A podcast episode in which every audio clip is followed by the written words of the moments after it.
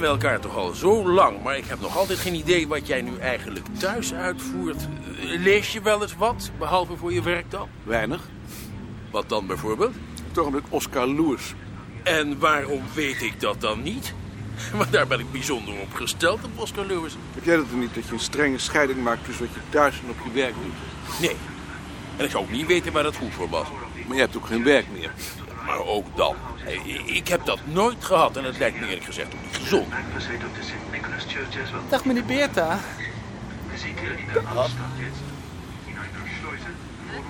Een merkwaardig persoon. Is dat een vriend van je? Het is iemand die mij een keer om raad gevraagd heeft. Het zal me de raad geweest zijn. Zo zou je het kunnen noemen. Hij deed me een beetje denken aan Kipperman. Laatst liep ik achter hem de stationsrestauratie binnen... en toen had hij een scheur in zijn spijkerbroek... waardoor je zijn bil kon zien. Ja, daar zullen de mensen ook wel het hunne van gedacht hebben. Kipperman is een rare scharrelaar.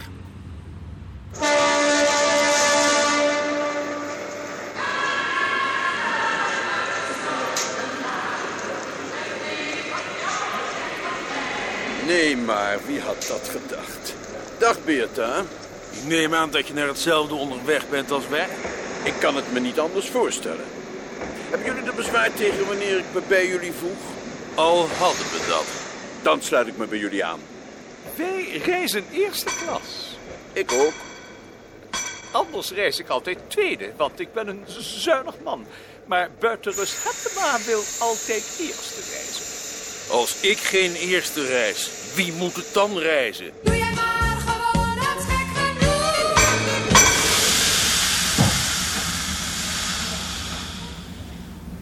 Ik heb die literatuur nog voor je opgezocht. Bijzonder attent van je. Je hebt er toch niet al te veel tijd in hoeven steken. Daar heb je me bijzonder veel plezier mee gedaan. Hartelijk dank. Manda Kraai heeft het bij elkaar gezocht. Ik zal haar een briefje schrijven. Dat lijkt me nou niet nodig. Doe het maar eens mondeling. De enveloppe geef ik je terug met een kleine correctie. Ritsaert is met AE. Dat wist ik niet. Ik neem het je niet kwalijk. Het is de ijdelheid van mijn oude heer... die met alle geweld een middeleeuwse ridder van me wilde maken. Dat is hem dan niet gelukt. Wat dat betreft sta ik met beide benen op de grond. Als jongen leek mij dat het mooiste wat er is. Een middeleeuwse ridder te zijn. Met een paar schildknapen. Bijvoorbeeld. Hebben Kipperman en Van der Meulen nog gereageerd op jouw artikel? Een voortreffelijk artikel trouwens. Ik heb het met veel plezier gelezen. Ik denk niet dat ze daarop reageren. Dat zou me verbazen. Op Van der Meulen heb ik het niet. Lijkt me te veel op een rat. Hij is dikker geworden de laatste tijd. Je hebt ook dikke ratten. Ze zullen er vanmiddag wel zijn. Denk je? Munting en zij zijn oude vrienden. Is Munting fout geweest? Iedereen in ons vak is fout geweest. Behalve wij vieren dan. Ik heb daar niet veel gelegenheid voor gehad.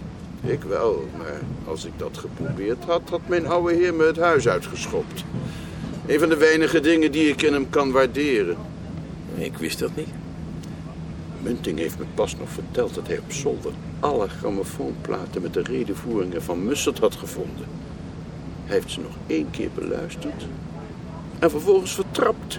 Kijk, dat zou ik dus nooit gedaan hebben. Ik ben naar de Führer gegaan in Berlijn en heb hem gezegd, niet als particulier, maar als leider der NSB, dus ook namens u.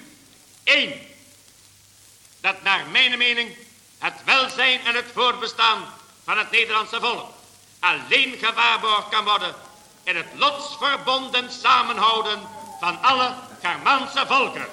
Dag meneer Van der Meulen. Oh, dag meneer Koning. Ik had u niet gezien. Wat Van der Meulen er achteraf van zou denken interesseerde me niet. Maar zelf voelde hij het niet als een overwinning. Typerend was het wel. Oog in oog ben je correct, beleefd, minzaam, maar je spaart elkaar niet. Ideaal zou zijn als mensen elkaar rustigweg konden meedelen dat ze elkaar een klootzak, een schoft of een onbetrouwbaar individu vonden, vervolgens kalm hun glas leegden, elkaar een hand gaven en ieder hun weg gingen. Hij grijnsde bij die gedachte en stelde toen met enige spijt vast dat de meeste mensen daar anders over denken.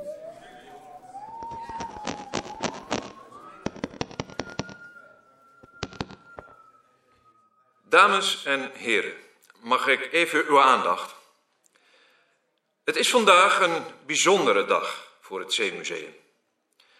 Want niet alleen gaan we zo dadelijk afscheid nemen van onze directeur, meneer Munting, maar bovendien wordt op dit ogenblik in het kerkje op het terrein van ons museum het huwelijk voltrokken tussen een protestantse jongen en een katholiek meisje op neutraal terrein.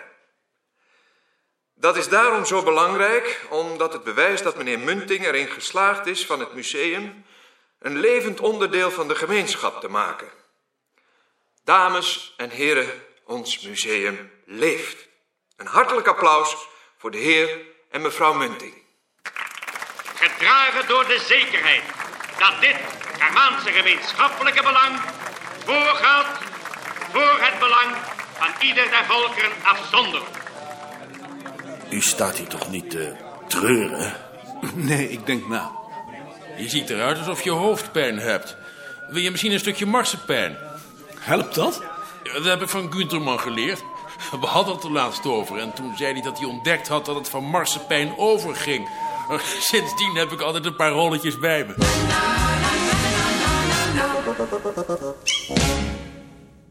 Na de feestelijke bijeenkomst van gisteren wil ik aan het begin van deze nationale feestdag graag namens u allen koningin Juliana en ik doe dat ook namens hen die in Suriname en de Nederlandse Antillen wonen hartelijk geluk wensen met haar regeringsjubileum.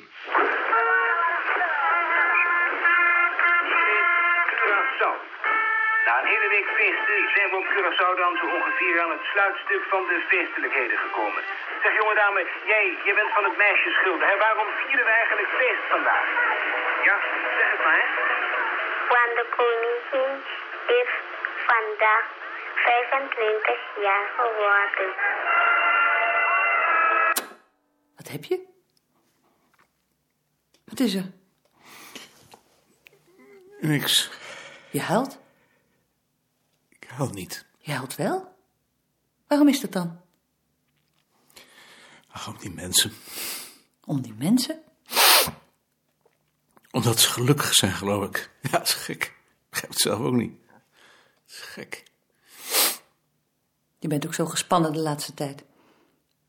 Ik? Ja? Ik zie het aan je ogen. Aan mijn ogen? Aan je ogen. Hoe dan aan mijn ogen? Nou, gespannen. Gespannen ogen. Zou het daarom zijn? Natuurlijk is het daarom. Zo doe je toch nooit?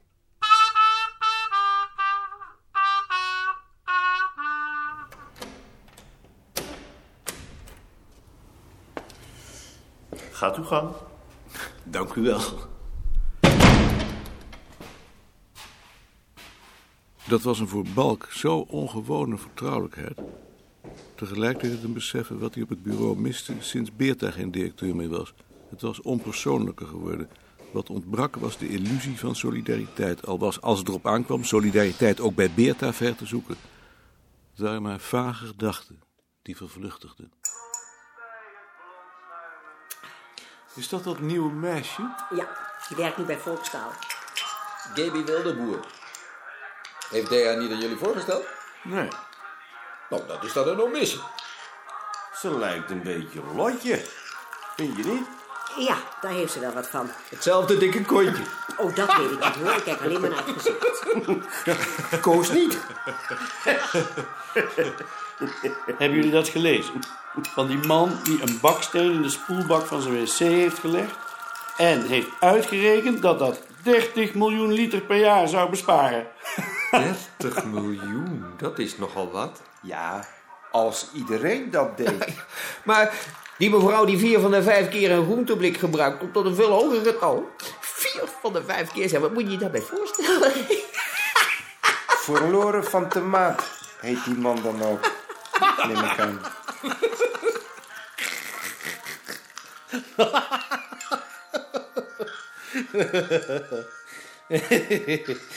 Ze zouden beter de minirok kunnen afschaffen. Dan krijgen ze het maar van aan hun blaas. Ja, gek. Er moeten spijkers in die bril staan, dan bedenken ze zich wel twee keer. Ik ken mensen die hun wc-bril met bont bekleed hebben. Met, met bont? Het is een omvraag.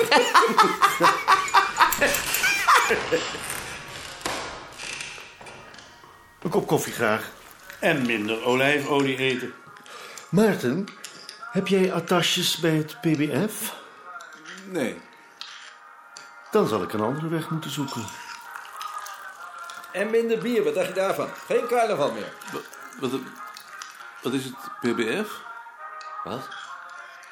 Wat, wat is het PBF? Oh, het PBF. Ik denk dat dat het Prins Bernhard Fonds is. Heb jij daar geen attaches? Nee. Ik heb nergens attaches. Oh, juist.